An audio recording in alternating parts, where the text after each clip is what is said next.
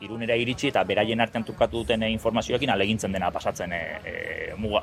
Olako jende asko dago. No, normalean nora joaten dira, zein da ben helburua? Frantzia. E, hori da, gehienak Frantzia direlako fran, e, frantzes iztunak, hori da. Datoste frantzes hitz egiten den estatuatean, eta beraik buruan daukate Frantzia, eta asko gainera Paris. Baino zergatik Paris? Ja. Pues Paris, pues entzun dutelako edo daukatelako referentzia bezala.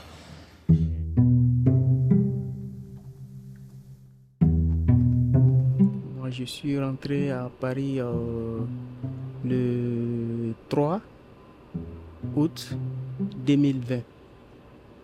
Donc ça me fait un an et quelques, à peu près deux ans, mais ça ne vaut pas deux ans d'abord. En août, je vais avoir deux ans à Paris. Gutxi daude, beste estatuata joaten da, eta hemendik alegintzen da, bueno, pues, Parisera joan ordez, ba, beste leku batzara e, desbideratzen, ze Paris momentu honetan dago, Parisen dago ez dakit, berroita mar mila lagun edo kalian bizitzen, berroita mar mila migrante edo kalian bizitzen. Orduan beti izaten dena da, baldin baduzu kontakturen bat, bale.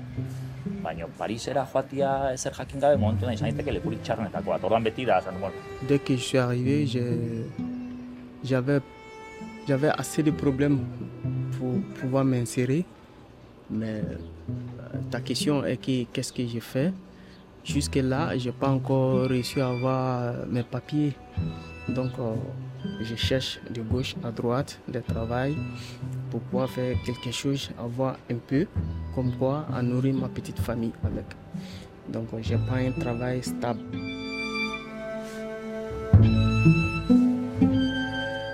Afrika gurutzatu, Espainia zeharkatu eta azken. Gari garaialde argazkilariak dioenez, migrante gehienek Paris dute buruan. Baina askotan ez dakiten on dagoen. Ez da hiri hori nolakoa den ere. Pentsa, batzuek voluntarioei galdetu diete ea Paris irun baino handiagoa den.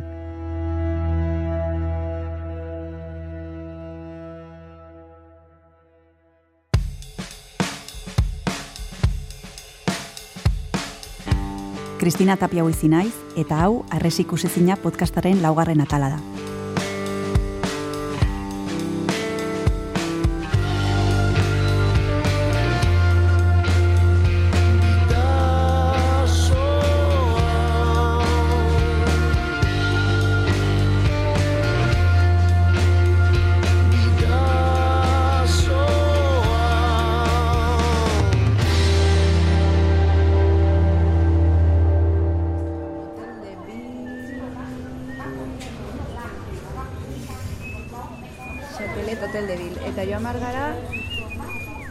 Guk ere Parisera joatea erabaki dugu. Irundik igarotzen diren migrari gehienen bidai luzearen helmugara iristea.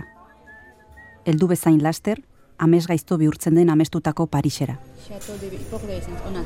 Vale, orduan, Orduan horia, hori hartu behar dugu, ez, bai, bai, horia, Abitu, eta bitu, bat, bi, que lau, bueno, segituan parada. Osa, hartu behar dugu, linea, hiru, Naiz eta guk, migrariek ez bezala, arazorik gabe egin dugun bidea. Kotxez, miarritzeraino. Irungo mugan jendarmeen kontrolik pasa beharrik gabe. Eta hegazkinez, errex, egan, Frantziako hiribururaino. Gari garaialdek duela urte batzuk irundik pasatzen migrante baten kontaktua eman digu. Eta Parisko amazazpigarren auzunean dagoen hotel batean egin dugu itzordua berarekin. Hotelera iritsi era. Idrisa Fofana izena du. Bolikostakoa da eta berrogeita bat urte ditu. Idrisak itzordu egin zigun hotel horretan lan egiten zuela pentsatzen genuen, eta arratsaldeko lauetan bukatzen zela bere lanaldia. Horregatik zela ordura, lekura. Baina gure usteak ustelak ziren. Baikorregiak, utopikoak. Benetakoa ez den Paris batean ginen oraindik. Ah, Chantier. Eh, oier, eh. Izan ere Idrisak ez du hotelean lanik egiten. Ez du bertan lan egiteko aukerarik, paperik ez duelako. Horren ordez, hotelaren gune batean bizi da. Parisko zerbitzu sozialek etxerik gabe zeuden hainbat familia bertara bideratu ondoren. Eraikinaren gainontzeko zatia turistendako da. Haiekin nastu gabe bizi diren migrariek ezin dute sukaldatu. Eta bizirauteko zerbitzu sozialek janari pixka bat ekartzen diete egunero. Pixka bat nahikoa den ez dakigu. Pixka bat zuzen haute den. Egoera bera. Pariseraino iritsi arte gauza asko gertatu zaizkiela. Hori bai, hori badakigu. Le voyage, euh, étant en Côte d'Ivoire, moi j'ai passé par euh, le Maroc. Le trajet avec euh, Ibrahim, on a atterri euh, au Maroc, à Casa. De Casa, puisque j'étais en contact euh, avec des amis déjà à Casa. Passé, nous avons passé deux jours, deux nuits à Casa chez un ami. Et en plus, on est allé maintenant euh, vers la frontière qu'on appelle Nador. Tu connais? Poliziatik eskapo beti. Behin eta berriz. Eta berriz. Eta berriz. Bai Marokon, bai Baionan. À la gare de Bayonne, il y avait des policiers. Voilà. Ben, moi, j'ai vu le policier quand il venait vers moi et moi, je me suis euh, précipité. J'ai, j'ai pris les bagages. J'ai vite sorti par la gare. Dans la gare, je suis sorti vite dans la gare et il n'y a personne qui m'a contrôlé. Et comme ça, je me suis retrouvé. euh, Migrariak deitzen diegu. Zeru epelagoetara bidaiatzen duten hegaztiak balira bezala. Bidaiariak edo turistak balira bezala. Baina ez dira ez bidaiariak, ez turistak. Ez da hegaztiak ere. Txori lurtarrak gehienera jota. Hegoaldetik abiatuta, beraien etxeko kabi errea gainean hartu eta ego errenak arrastaka gure desertu hotzetara ies egiten duten pertsonak dira. Baina Frantzia da migrari gehienen helburua eta Paris dute askok jomuga, promestutako lurra. Idrisa polikostatik Sahara zeharkatu eta Marokora iritsi zen, herrialde gogorrena. Eta gero Tenerife. 2000 eta hogeiko abuztuan ailegatu zen Parisera.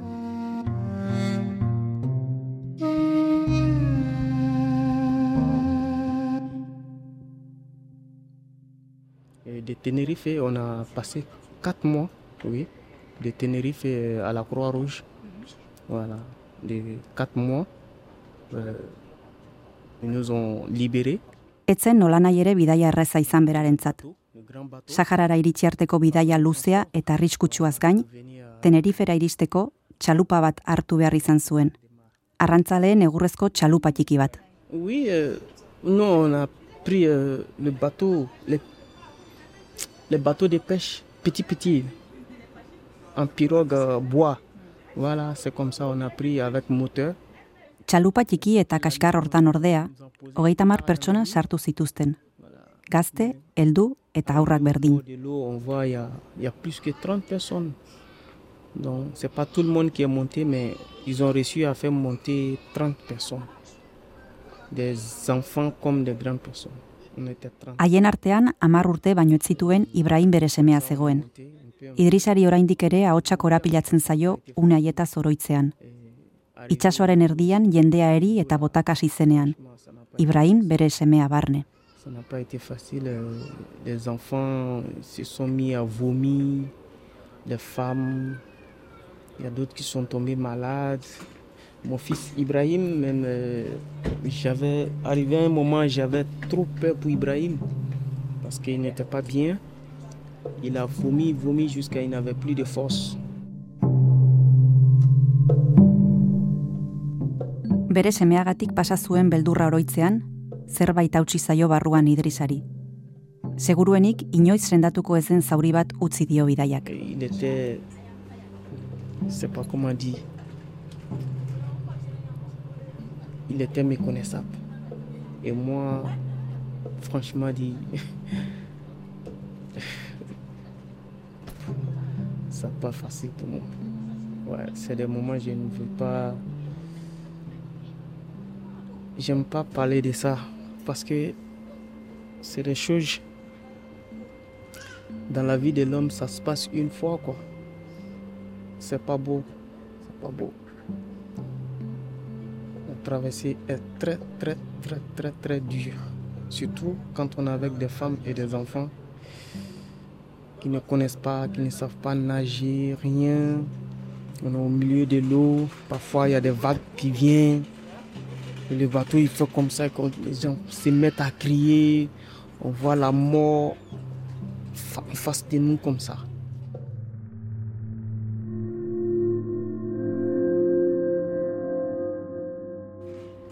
Peu c'est la mort totale, c'est la mort. Il n'y a pas de sauvetage en mer.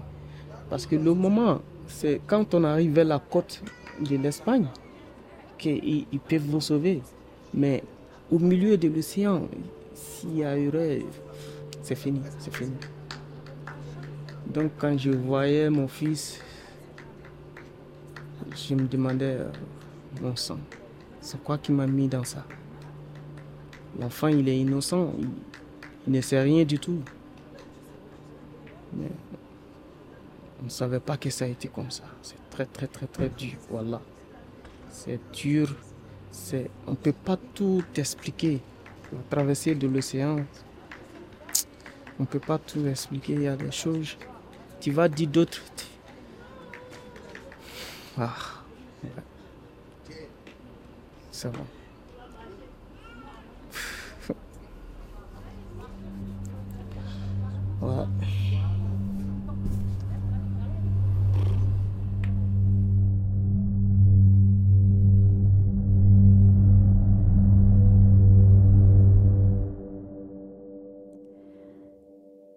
Idrisaren zauria ez dago itxita. Eta guk zaurian zirikatu egin dugu. Begiak betetzen zaizkio.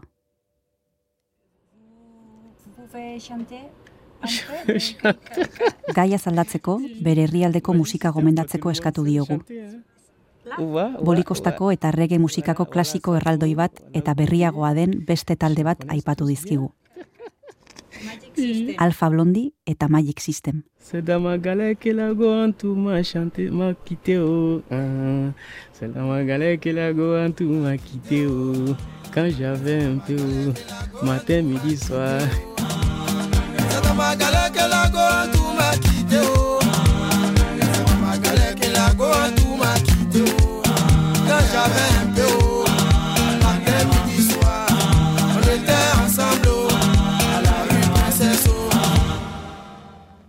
Baina gehienontzat oroitzapen onak ekarriko lizkigutenak, sorterria eta urtzaroa, putzu ilunak dira idrisarentzat.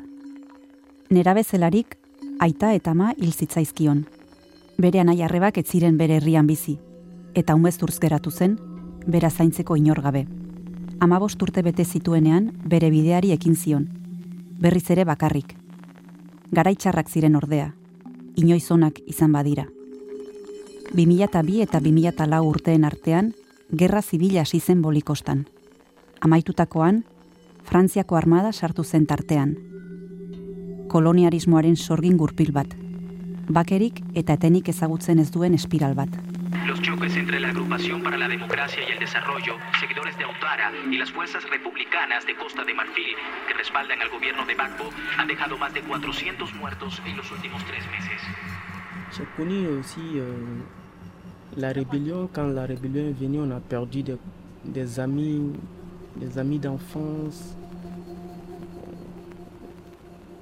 Bon, c'était, c'était mélangé. On a, on eu à toucher les armes, à tirer. Bon, c'est des choses. On n'avait pas l'habitude de voir ça en Côte d'Ivoire. Surtout si c'est pas dans les films. Eta pertsona migrari hauek guztiek, edo ia guztiek, helburu bakar bat dute beraien bidearen amaieran. Pasatako infernuaren ondoren, amestutako paradisu bat. Telebistan eta pelikula unitzetan ikusi duten Europa. Tellement loin de ce que je pensais. C'est loin, loin, loin de ce que je pensais. Parce que ici, arrivé euh, en Europe, bon, c'est pas, c'est pas ce que je pensais en tout cas. Voilà, c'est pas ce que je pensais. Voilà. C'est très dur, franchement, il faut le reconnaître. Ici, il faut être, euh, comme on le dit chez moi, il faut être un commando pour pouvoir survivre. Il n'y a pas de cadeau ici. Ouais. Le fainéant n'a pas sa place en Europe. De Côte d'Ivoire eh, demandez-vous Qu'il veut venir? Si vous le conseillerez venir? Bon, si, si c'est à moi, je lui conseillerais d'investir l'argent que tu vas prendre pour, pour venir en Europe. Parce que quand tu viens en Europe, tu viens reprendre à zéro. Tu renais, c'est comme tu viens d'être né. Tu commences tout à zéro. Idrisa puntu horretan dago. Zerotik hasten ari da eta etzaio erraza gertatzen ari. Bere emaztea bera baino lehenago iritsi zen Parisera eta duela urtebete jaio zen alasan txikia. Ce que j'ai avec elle, c'est, l'amour total. On, est, on, est, on s'aime, on veut mourir ensemble. Donc je, je ferais n'importe quoi pour, pour joindre cette femme-là parce qu'on a vécu pas mal de choses ensemble, elle et moi. On a traversé des difficultés. Je lui dis des vraies difficultés. Donc quand nous sommes séparés, je me suis dit, bah, waouh, il n'y a plus de vie là elle n'est pas à côté de moi, il n'y avait plus de vie. Tout ce que je, je me couche la nuit, je n'arrive pas à dormir, je, je n'arrive pas à me concentrer sur mes choses. Vous voyez? Donc euh, je me suis levé comme ça, j'ai dit, bon, là où elle est là, même si c'est l'autre bout du monde, si elle a réussi à arriver là-bas, moi aussi je peux. Donc euh, moi je ne peux pas dire que je suis venu en Europe pour de l'argent, c'est vrai, mais le principe, c'était de retrouver ma femme, mon âme sœur.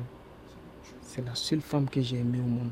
Donc, euh, voici mon arrivée et je suis là aussi, on est ensemble, même si on n'a pas papier, mais on arrive à avoir notre petit prix de pain, à manger. Je me bats toujours pour pouvoir aider ma famille. Goizero ateratzen dira biak familiak bizirauteko behar duen diruaren bila. Idrisa obretara joaten da. Gehienez bi edo hiru eguneko lana lortzen du ordea. Eta iluna barrean ordaintzen diote, Bord. Bere emazteak trentzak egiten ditu kalean, amar euroren truke. Bien, 10 euros.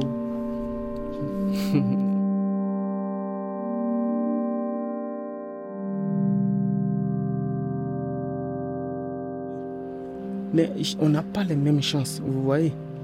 Il y a des gens au pays qui ont des bons métiers, qui, qui n'envient pas l'Europe même.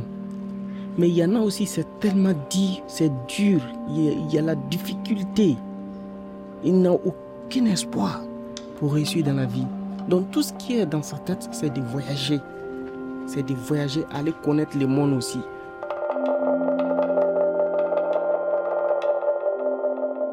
Seul conseil que moi je peux donner si tu es en Afrique et que ton business ça va, ça marche, et reste en Afrique. C'est mieux pour toi. Il y a la liberté, on, on a tout.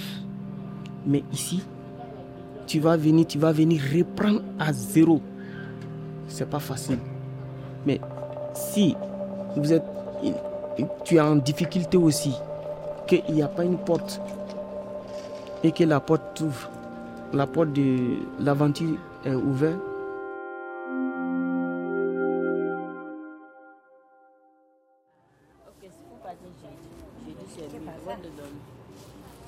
Não é bichito, né? Vai piar, né? Olha lá. É, é Esse é fácil, né? Aliviar uma fofa amanhã, irmão. Só ver como é que ela tá vivendo. Só é como é que ela tá vivendo. Ah, galera. Hoteleko atean emakumeak beren umeekin biltzen hasi dira. Aurrek jolasten duten bitartean, helduek elkarren artean hitz egiten dute. Behinbeineko patxada baliatuz, arnas hartzeko une bat daientzat, galdera eta erantzun zehatzik gabeko solasa. Eta giro horretan murgilduta, gu ere, alasan txikiarekin jolasean hasi gara. Alasan.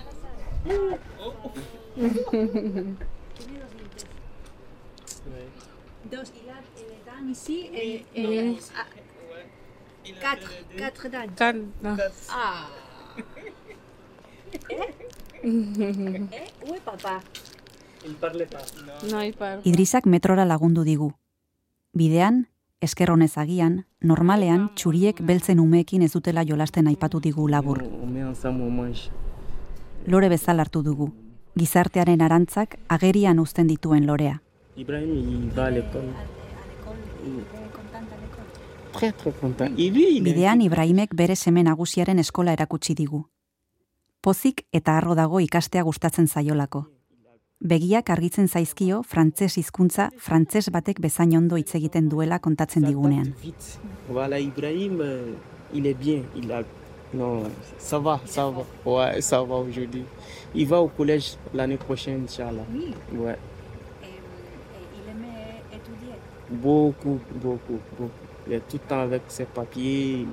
Même les vacances, il n'aime pas. Il dit non, il, préfère rester avec ses, ses amis à l'école qu'à la maison. Donc, il sort matin à 8h, il rentre à 18h. Ah oui. Ouais.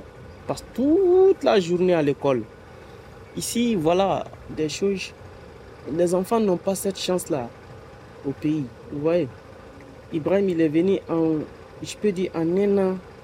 Déjà, il parle comme les enfants d'ici. Il parle même, quand Ibrahim il parle le français ici, tu peux pas savoir qu'il n'est pas né ici. Baina Ibrahim, frantsesez paristar batek bezain ondo mintzo dena, bolikostan jaio zen, eta bidaia gogorra egin zuen bera aitarekin batera. Zoritxarrez, haunitz dira egunero lurrez naiz itsasoz bidaiaren gogortasuna sufritzen dutenak.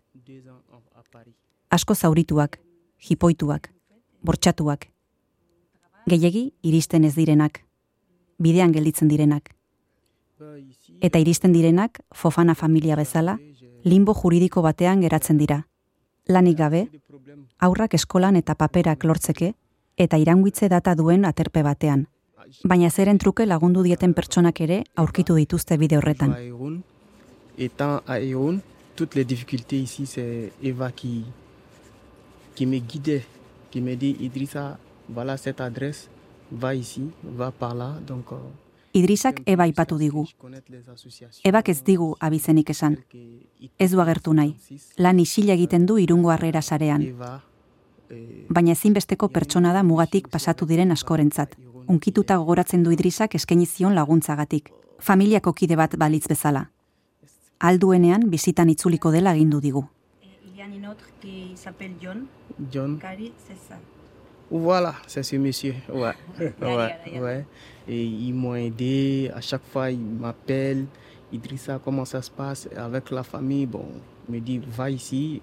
Ils m'ont donné beaucoup de contacts. Gari garaialde ere aipatu digu. Ez zuen izena gogoratzen, baina argazki erakutsita, bera zela esan digu.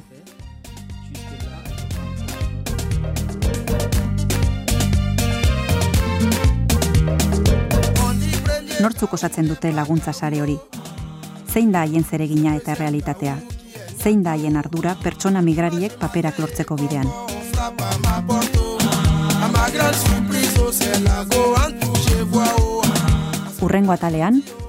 Ils ne sont ni exilés, ni réfugiés, ce sont des personnes non grata qui, de par leur existence, ne répondent pas aux exigences posées par les textes. Beti esaten dugu ibiltzen dira bide alternatiboak bilatzen, ze bide bat e, egiten duten bakoitzean, e, poliziak bide hori harrapatzen baldin badu, bide alternatiboak bilatu behar dituzte. Eta momentu batean hasi ziren, menditik pasatzen. Eta menditik, bueno, jende asko pasatu izan da mendik, ze hau erabili izan da, e, kontrabandorako, hau erabili izan da, e, kometzareak, gaina oin markak ere ikusko ditu kometzareanak, kometzareak erabiltzen zuen iparraldetik e, hegoaldera pasatzeko, bigarren gerra mundialean,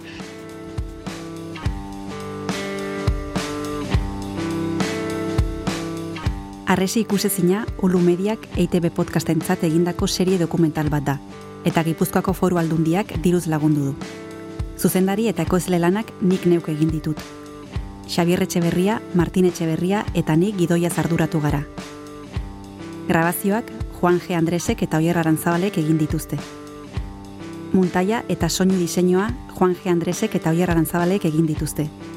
Silvia Tapia Buizik itzultzaile lanak egin ditu, eta sintonia gisa erabilitako kanta, bidasoa, Willis Drummond taldearena da. Gure eskerrik beroenak emanei dizkiegu irungo harrera sarea, iparraldea etorkinekin eta utopia elkartei.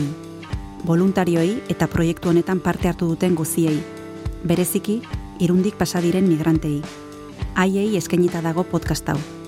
Gogoratu EITB podcasten edo audioak entzuteko darabiltzun dena delako plataforman entzun dezakezula arresi ikusezina.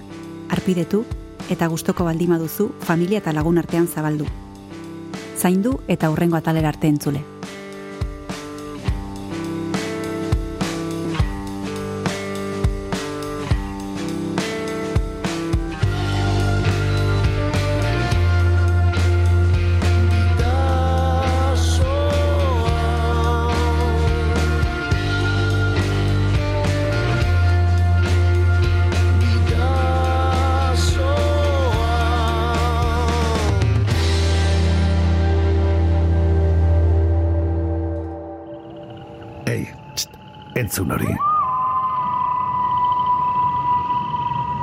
Ulu Media.